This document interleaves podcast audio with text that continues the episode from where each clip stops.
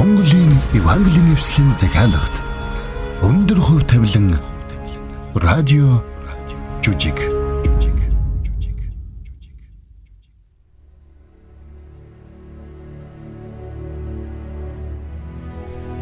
Өндөр хөв тавилан радио жүжигийн шин дугаард тавтай морилно.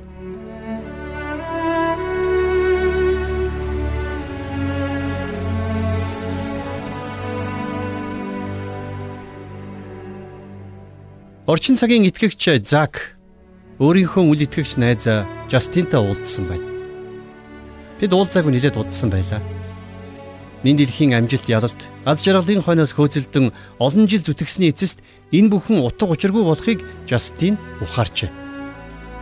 Сэтгэлээр унсан Жастин сүнсээр оршигч цорын ганц бурхны тухай найз Закийнхаа яриаг сонсож үзэхээр шийдсэн байна. Бурхан бол сүнсээр оршигч гэдгийг Жастинд ойлгуулж өгөхийн тулд Зак түнд Библийн түүхийг ярьж өгсөн юм. Хэрвээ та санаж байгаа бол өнгөрсөн бүлгээр Жастин бурхан бол хайр гэдгийг ойлгож авсан шүү дээ. Зак тэрэнд төөрсөн хүүгийн сургаалт үлгэрээр дамжуулан за бас дээрэс нь Илч Йохны загтлаар дамжуулж бурхны хайрыг тайлбарлаж өгсөнийг та санаж байгаа. Харин өнөөдрийн бүлэг дээр Есүс Христ өөрийн гим зэмгүй төгс амьдрал болон загалмай дээр үхлээрээ дамжуулаад хүн төрлөختнийг бурхантай яаж эвлэрүүлсэн талаар Зак Жастинд ярьж өгөх гэж байна. Ингээд хамтдаа авралыг өгөгч бурхан гэсэн нэртэй өнөөдрийн бүлгийг бүлээн авч сонсъё.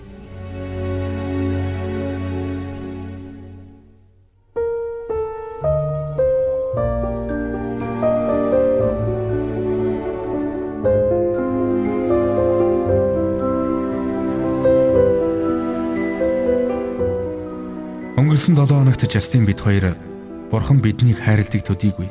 Бурхан бол өөрөө хайр гэдэг талаар ярилцсан. Бурханы мөн чанар бол хизээч дуусшгүй, хизээч хууршгүй, нөхцөл болзолгүй хайр. Харин өнөөдөр бид хоёр Бурханы тэр агуу хайр, Есүс Христийн загалмай дээрх үхлээр дамжуулаад бидэнд хэрхэн илэрхий болсон тухай ярилцах болно. Өнөөдөр найз маань Есүс Христийг аврагч эзний болгон хүлээн авч Түүнийг амьдралдаа урьж оруулах байхаа гэж би найдаж байна. Ой, зак. За найз минь уулзсандаа баяртай байна. Би ч бас чамтай уулзсандаа баяртай байна. Justin. Өнгөрсөн 7 хоног ажил амьдрал амжилттай л үстэй. Үннийг хэлэхэд бүтэн 7 хоног л хямарлаа. Хм, тийм үү Justin. Аа. Юу болсон юм бэ? Одоо сэтгэл санаа хэр байна? Үнэн дээр одоо ч тийм хэн л байна. Өнгөрсөн 7 хоногт хоёулаа бурхны хайрын тухай ярьсан шүү дээ. Аа. Намайг тийм агуу хайрыг хүртэх зохисгүй хүн атал бурхан тэгж хайрлсан гэж бодохоор л гол харлаад. Би амьдралаа өөрчлөхийг хүссэн чи өөрийнхөө хүчээр өөрчилж чадахгүй. Аа зөв зөв зөв. Минийхэр бол наадах чинь харин ч сайн зүйл байна. Юу? Яагаад сайн гэж? Чиний дотор төрж байгаа тэр мэдрэмжүүд бол ариун сүнс чиний гэм нүглийг чамд сануулж гэмшилд ятгах байгаа ятгалга юм. Нэрээ ч тийм юм болов. Өөрөөр хэлбэл бурхан чамайг амьдралаа түүнд өргөхийг ятгах байна гэсэн үг. Тийм ч юм болов.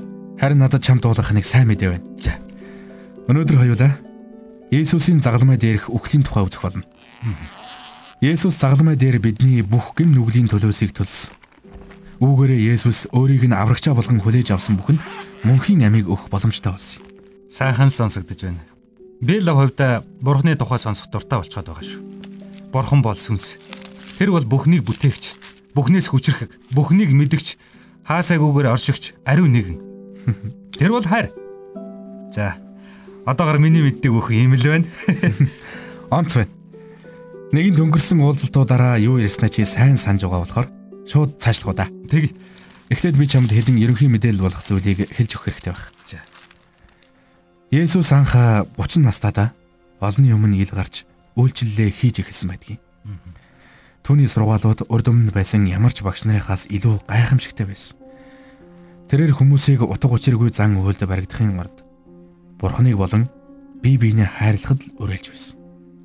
Есүс 12 эрийг дагалдагчаа болгон дуудсан байдаг ч түүний сургаалыг сонсож түүний үйлдэж байсан гайхамшгуудыг харах гэж үе олон хүмүүс байнга түүнийг дагаж явдаг байж. Есүс шашны удирдагчтай удаа дараа зөрчилдөж байсан.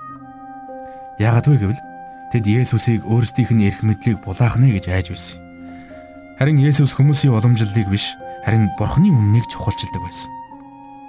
Есүс тухайн үеийн шашны мяндагтангуудын нүдээр гэм нүгэлтэй, сул дорой, бузар зохисгүй хэмээн харагдаж байсан тэр хүмүүст хүрдэг байсан. Яг л над чи хүмүүст гэсэн үг үү? Яг би чамайг гэж ингэж хэлээгүй шүү. Ингээд Есүсийн үйлчлэл 3 дахь жилийн тэр нэгэн алгаслын баярын үеэр үйл явдал оргилдон хурч өрнсөн байдгийг. Алгаслын баяр гэдэг чи юу лээ? Нэг л танил нэр баг чи. Ягаа нөгөө еврей хүмүүсийг Бурхан Египтийн боолчлолоос чөлөөснийг дурсан тэмдэглэдэг баяр. Аа. Бурхан фараон болон түүний ард түмний ууган хөвгүүдийг зогсон. Нэрээ дээ шүү дээ.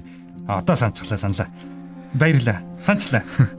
3 жилийн алгаслын баярын үеэр Есүс Иерусалимд сүүлчийн удаа очсон байдаг. Түүнийг ирж байгааг хараад хүмүүс баярлаж Бурхныг магтан алдаршуулж байсан. Хүмүүс түүний явах замд хувцаан дэвсээд модны мөчөр барин даллаж эзний нэрээр ирэгч хаан өрөөлтэй амар тайван тэнгэрт алдар сүрэн хамгийн дээр байх болтугай гэж хашгирч байсан гэдэг. Алдартай нөхөр байх нэ. Нэг талаасаа тийм. Нөгөө талаасаа бол үгүй л дээ. Есүсийг ард түмэн хайрладаг байсан ч албан тушаалтнууд үзий яддаг байсан. Төдөөдлөгөө хорон муу бүхэн нэгдэн нийлж Есүсийн эсрэг эрчимтэйгээр ажиллаж эхэлсэн. Тэр бүхэл Есүсийн ойрын хүрээнийхнээс хүртэл оровч гарч ирсэн. Есүсийн дагалдагч нарын нэг нь тэрнээс урвсан гэсэн үг үү? Юдас Есүсээс урвсан. Өөдгөө юм аа. Юдасын толгойд юу эргэлдэж байсныг бид хязээж мэдж чадахгүй байх. Яагаад Есүсээс урвахаар шийдсэн юм байгаа юм бүү мэд. Гэхдээ л Юдас Есүсээс урвсан. Тэр урвалтаас өмнө Есүс 12 дагалдагч нартайгаа хамт алгаслын баярын зоог барьсан байдаг. Тэнд Юдас ч бас хамт байсан. Есүс тэр үеэр өөрийн ямар зовлон хүлээж байгаа тухай дурдаад дараа нь Есүс бурханд талархаад талах дарс авч дагалдагч нартай өгсөн алгаслын баярыг цоош нь утга учиртай болгосон байдаг.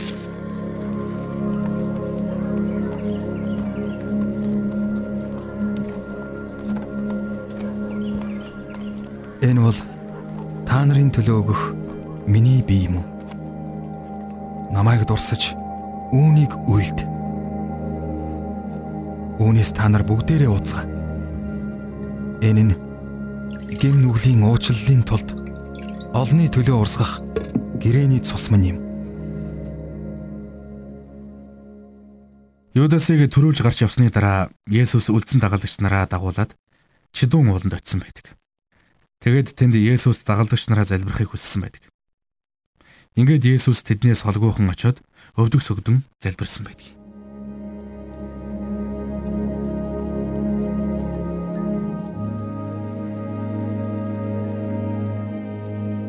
Эцэг минь хэрв та хүсэж байгаа бол энэ хаягыг надаас алгасуулаач. Гэвч миний хүслээр бас харин таны хаар болог.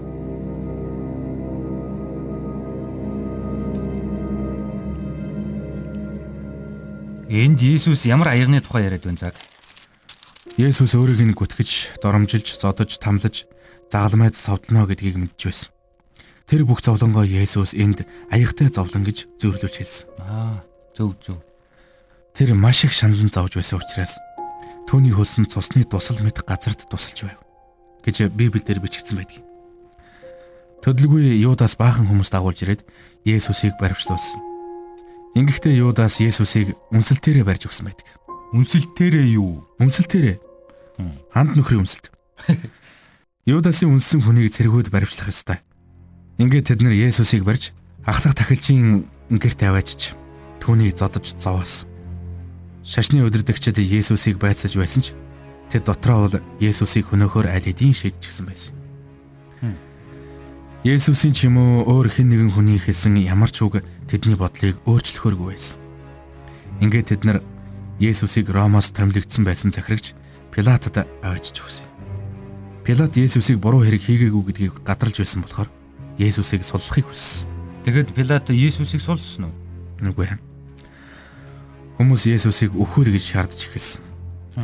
Пилат Есүсийг хатуу шийдгээд суллая гэж хэлсэн ч ард түмэн уурлан үзэж түүнийг цовдол цовдол гэж хашгиралдаж гарсан.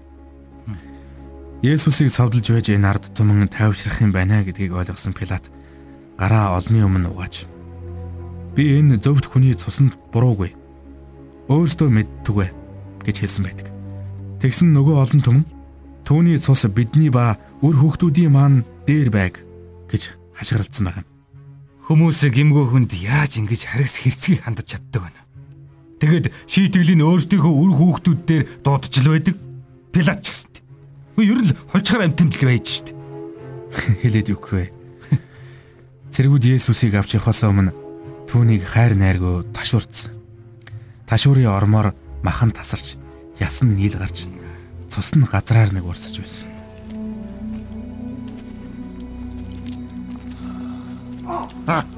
Агуу хаан танд мэхийн ёслоё. Таны албат хэрэгэд таны хүлээж байна. Та ихлээд хааны нөмөргөө нөмөр.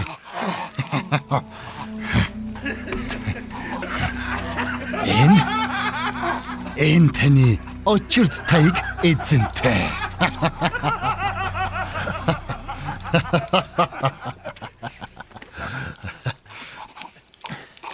Бид хаантан таны өмнө мэхийн ёсолж, нулимж хүндэт тэл үзүүлээ. Пүү.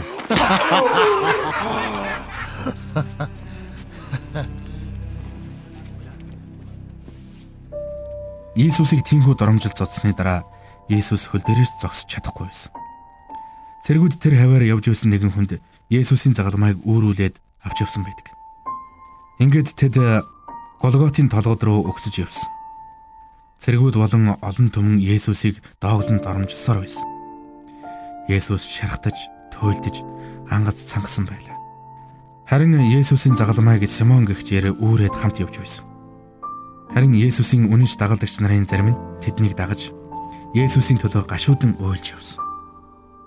Бас Есүсийн үхлийг үзэх гэж улаарсан бусад хүмүүсийн хашгираан толгодыг дөргөн сонсогдож байсан гэдэг. Яста солиотой хүмүүс юм. Бурхан биднийг ямар их хайрлаж бидний гэм нүглийг цагаатгахын тулд Есүс ямар их төлөөсийг төлсөн болохыг Жастин инхүү ойлгож эхэлсэн юм. Есүсээс дотны нөхөр нь урууж, түүнийг гүтгэж, доромжилж, зодож, ташуурдж байсан тухай сонсоод Жастин ихийг эргцүүлэн бодсон юм. Есүс түүнийг тэгж их хайрлаж Түүний гэм нүглийн төлөөсийг төлөхийн тулд тэгж их зовсон гэдгийг тэр ойлгосон. Гэхдээ Есүсийг хоёр гэмт хэрэгтний дунд цовдлсон нь хамгийн аимшигтай хэрэг байсан юм. Сайн амьсгалаа дав хулгайч минь. Загалмай эгч нь газарт хадаад өгөхөөр чамд агаар шиг хэрэгтэй юм байхгүй болно доо. Зэнгт буунд нэгийг. За ингээд нөгөөх нь. За ингээд хоёр хөлийн давхарлаад хатчих.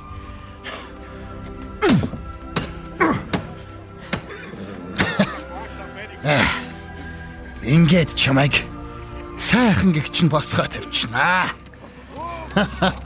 Хөл чинь ядраа тавил дараа нь би хоёр хөлийг чинь хуг цохоод гарнаас чинь дүүжлээд өгнө яг. Тэр үед хөвгөлтэй юм болно. Мөр чин мултраад би чин унжаад ирэхээр чамаа яахыг чинь харъя л да. Чи дотроо бушуухан өгөх юм санал гэж бодно. Гэхдээ тийм юм болохгүй л дээ. Хулгай хийхээр ийм юм болж байгаа юм да. Там хоёр хулгайч харин ч азтай байна. Евдэчүүдийн их хааны дэргэд харуулах гарах нь байна шүү дээ. Сайхан байгаа үстэй аа.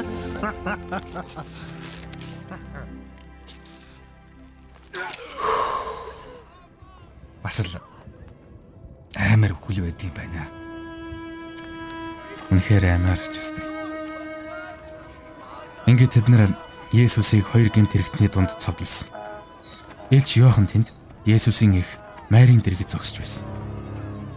Есүсийн тэр их зовлон шаналлыг ихэн яаж харж тэлсэн юм бүү мэд. Ээж нь тэгж шаналн зогсохыг харж байсан Есүсийн сэтгэл ямар их шаналж байсан болов. Тэнд байсан цэргүүд Есүсийн цустай хувцсыг шотож хувааж авсан. Харин Есүсийн хоёр талд цовдлогдсон хоёр гэмт хэрэгтэн тэс эсрэг хоёр зүйлийг ярьсан байдаг.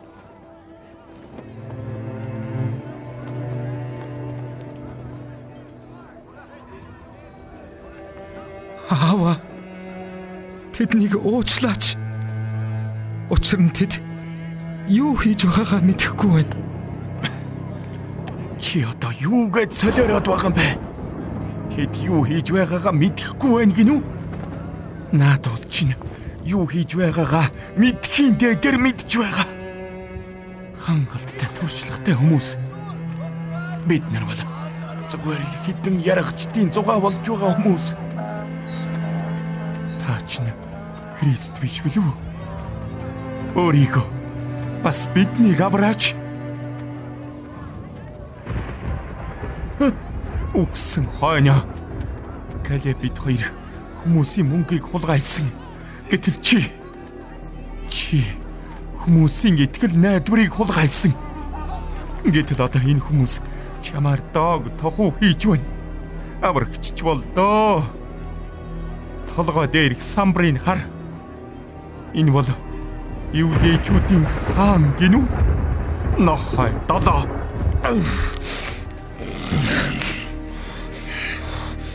Чи гадлахын ялдуунсан атлаа. Бурханаас айхгүй байна уу?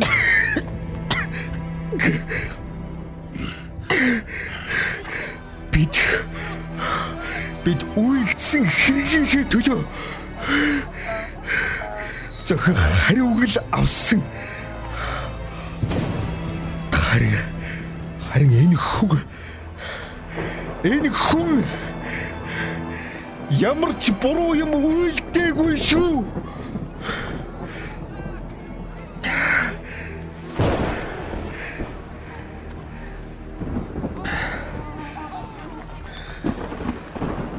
Есүс ээ. Та өөрийнхөө хаанчлалд очихдоо намайг санаарай. Үннээр Үннээр би чамд хэлье. Өнөөдөр чи надтай хамт диваачнд байх болно. Хоёр гэмт хэрэгтэн хоёр өөр эсрэг зүйлийг ярьсан гэсэн энэ байх. Нэг цэрэг аман цангасан Есүст хөвөнд цуу дүрээд уулгах гэж оролдсон байна. Зовоох гэд бүр ядчих юм а. Тэгж байтал үд дунд тэнгэр харанхуйлж 3 цагийн турш түнэр харанхуй болсон байна. Есүсийн бие нь улам бүр хүндэрч амьсгалахад хэцүү болж байлаа. Гэхдээ Есүс хүчээ шавхаж дагалдагч Йоханд ээжигийн захиж үлдээсэн байдаг. Хөө. Өөрөө өөх гэж үйж бас бусдыг бодож л байдаг. Тэр үеэр алгаслын баяр болж байсан учраас Ерүслимд өв олон хүмүүс ирсэн байсан. Тэд нар Есүсийн тэр бүх шудраг усаар амссан зовлон шаналлыг огт анзаараагүй. Анзаарсан ч тоож авч хэлэлцээгүй. Есүсийг Ерүслимд хэдхэн хоногийн өмнө ирэхэд баярлан хашгирч байсан хүмүүс яаж ийм байдал гаргаж чадсныг би ерөөсөө ойлгодгүй. Итгэмээргүй л юм. Ингээд Есүсийн бүх хүч чадал шахагдаж дуусах үед Есүс бурхан тандан хашгирсан байдаг. Энэ бол нэг талаасаа түүний ялалтын уухай байсан.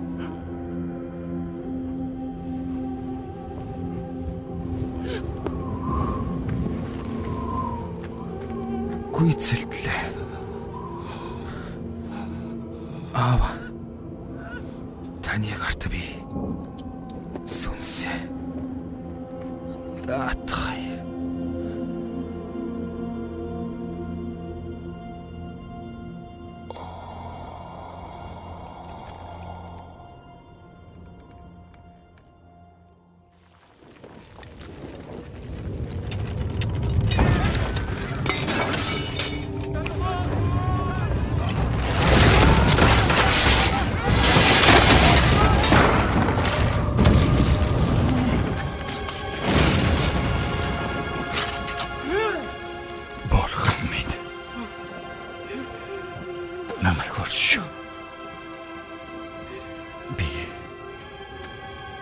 Би юу хийж байгаагаа мэдсэнгүй.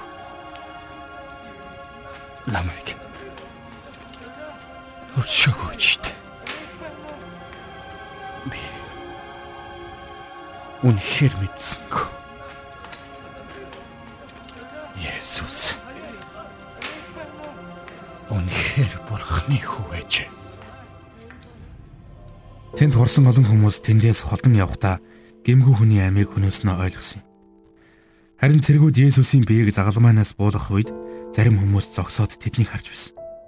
Есүст итгэдэг байсан Ариматын Йосеф гэж нэгэн шашны мэндагтан Пилатын зөвшөөрлөөр Есүсийн цогцыг оршуулахар ирсэн байсан.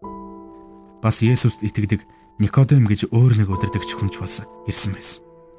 Тэд Есүсийн биеийг даавнд боогод нар жаргаж Сабат буюу амралтын өдөр эхлэхээс өмнө оршуулсан байдаг. Тэдний анд нөхөр, тэдний удирдагч, тэдний багш Есүс нас барсан. 3 жилийн үйлчлэлийн туршид түүнийг дагаж түүний үйлдэж байсан гайхамшгуудыг нь харж явсан тэр бүх хүмүүс Есүсийг үхэхэд уухалан баярлаж байсан. Тэд өөрсдийнхөө амьдралын өчүүхэн эрх ашигаас цаадахыг харж чадаагүй. Тэдэнд хандсан Бурхны хайрыг ойлгож чадаагүй.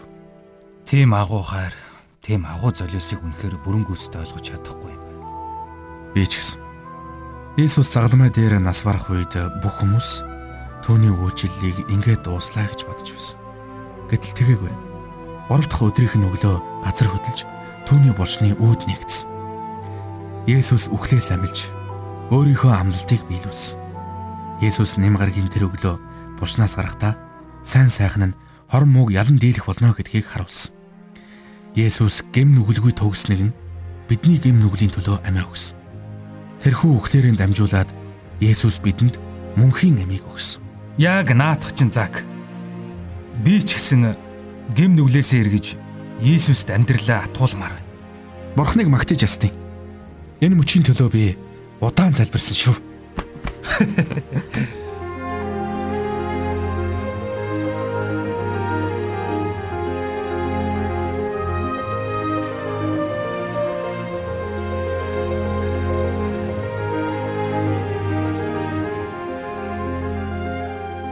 Жастин бурханд залбирч гэн нүглийн хүлээн зөвшөөрч Есүсийг аврагчаа болгон хүлээж авсан. Есүс өөрийнх нь гэн нүглийн уучлалын төлөө амиа өгч үхлээс амилсан. Одоо ч амьд байгаа гэдэгт итгэж байгаагаа тунхагласан. Бурхан түүнийг уучлж тэр өдрөөс эхлээд Жастин маань Есүсийн дагалдагч болсон юм байна. Түүнд суралцах зүйл их байгаа. Гэхдээ бид хамтдаа үргэлжлүүлэн уулзсаар авралыг өгдөг цорын ганц бурханд итгэх итгэл дотроо өссөөр байх болно.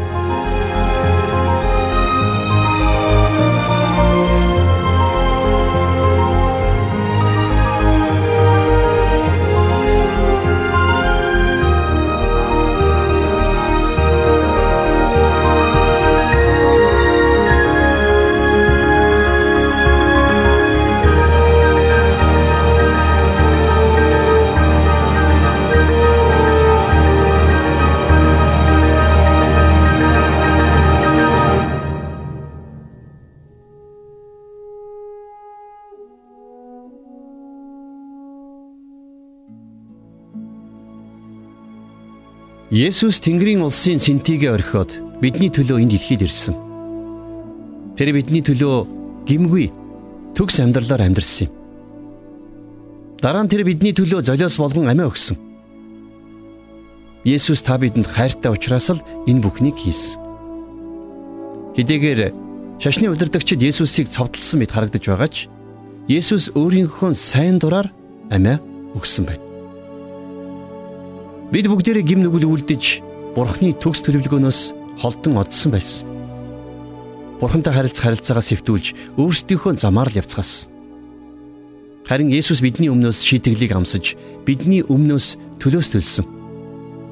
Энэ нь бидний Бурхантай харилцах харилцааг сэргээхийн тулд байсан. Есүс өөхөх ёсгүй байсан.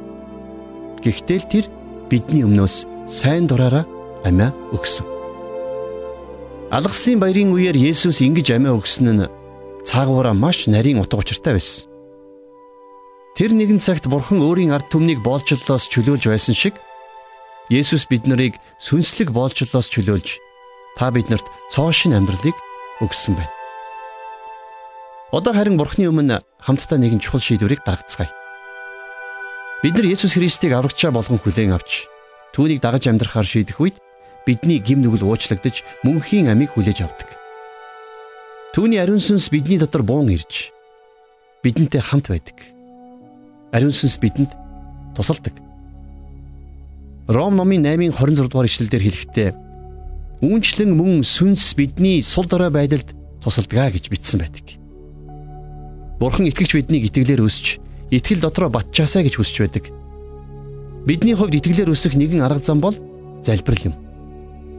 Бид итгэлийн амьдралдаа гим нүгэл үйлдэлгүй амьдрахыг хичээх учиртай. Гэхдээ хэрвээ бид бүдэрч гим нүгэл үйлдэлсэн бол бид бурхнаас уучлалыг гойн гимших хэрэгтэй. Бид нар өдөр бүрийн амьдралдаа Бурханаас мэрэгэн өдөрдмжийг говийн амьдрах боломжтой. Бас бид нар бусдын төлөө залбирах ёстой. Бид найз нөхөд гэр бүлийнхнийхээ төлөө залбираа зогсохгүй, дайсныхаа төлөө хүртэл залбирах үүргийг Есүсээс хүлээж авсан. Дээрэс нь бид Бурхны үгтээ өдөр болгон ойр байх хэрэгтэй. Бурхан өөрийнхөө үгээр дамжуулан бидэнтэй ярьдаг. Бурхны үг биднийг итгэлээр өсгөхөд тусалдаг юм. Бурхны үг бидэнд хэрхэн амьдрах ёстойг зааж сургадаг. Тийм учраас та өдөр бүр шинэ өдрийг эхлүүлэхдээ Бурхны өмнө залбирч Библийг заавал уншаарай.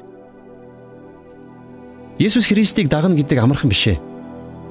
Яагад гэвэл Христэд итгэгч хүмүүс итгэлийнхээ төлөө хавчигдах, гадуурхагдах тохиолдол зөндөө байна. Хэрвээ хүмүүс биднийг Христэд итгэдгээс минь болоод хавчиж гадуурхах юм бол бид гайх хэрэггүй. Есүс өөрөө Иохны 15-ын 20-с 21-р эшлэлдэр хэлэхдээ Тэд нар намайг хавьдсан бол та нарыг бас хавчих болно. Тэд үгийг минь сахисан бол та нарыг бас сахих болно. Харин тэд нэрээс минь болж та нарт энэ бүгдийг үйлдэх болно. Учир нь тэд намайг илгээсэн нэгнийг мэдэхгүй юм а гэж хэлсэн байдаг. Хэдийгээр хүмүүс биднийг хавчин гадуурхсан ч итгэгч бидний амьдрал хайр болон уучлалаар дүүрэн байх учиртай. Есүс биднэрт дайснаа хайрл та нарыг хавчигч хүмүүсийн төлөө залбир гэж захисан. Есүс өөрөө загламай дээр үхэж байхдаа ч өөрийг нь цовдолж байсан хүмүүсийн төлөө залбирч байсан шүү дээ. Лук номын 23 дугаар бүлгийн 34 дугаар ишлээс харах юм бол Есүс Аава тэднийг уучлаач. Учир нь тэд юу хийж байгаагаа мэдэхгүй байна гэж Есүс хэлсэн байна. Хэдийгээр бидний амьдралд хавчлаг зовлон тохиолдож болох ч гэсэн тэр бүх нөхцөл байдлын дунд бид хизээж ганцаардахгүй. Ягд гэвэл Бурхан өөрөө бидэнтэй хамт байдаг. Бурхан өөрөө бидэнд би чамайг хизээж орхихгүй, мөн чамайг хаяхгүй гэж амласан юм. Бидний амьдралд Бурханы оршихуй байгаа учраас Библиэлд бичигдсэнчлэн эзэн бол миний туслагч. Би айхгүй. Хин надад юу хийж чадах вэ гэж итгэлтэйгээр хэлж чадна. Би одоо Бурхны өмнө чин сэтгэлээсээ залбирах гэж байна. Та миний залбирахыг сонсоод надтай хамт залбираарай. Эзэн Есүс ээ, миний амьдралд орж ирсэн танд баярлалаа. Намайг итгэлээр өсгөд минь туслаач. Амьдралд хавчлага дарамт ирэх үед намайг хүчтэй байлгаж өгөөч. Та намайг хизээж ганцаараа минь орхихгүй гэж амласан. Өнөөдөр итгэлээсээ болоод хавчэгдэн зовж байгаа итгэлийн бусад ахын дүүсийг хаа байгаа газарт нь та хамгаалan сахиж өгөөрэй. Таны нэрээр залбирлаа. Амен. За одоо энэхүү залбирлыг миний ардаас давтаад хэлээрэй. Та ингэ залбирахдаа өөрийнхөө чин зүрхнээсээ бурханд хандаж хэлээрэй. Эзэн Есүс ээ. Миний амьдралд орж ирсэн танд баярлалаа намайг итгэлээр өсгөд минь туслаач. Амьдралд хавчлага дарамт ирэх үед намайг хүчтэй байлгаж өгөөч. Та намайг хизээж ганцаараа минь орхихгүй гэж амласан. Өнөөдөр итгэлээсээ болоод хавчэгдэн зовж байгаа итгэлийн бусад ахын дүүсийг хаа байгаа газарт нь та хамгаалan сахиж өгөөрэй. таны нэрээр залбирлаа. Амен. Энэхүү залбирлыг хамтдаа хийсэн танд баярлалаа. бид дараагийн дугаараар Бурхан болон биднийг хайрлсан Бурханы хайрын талаар илүү ихийг сурч мэдэх болно.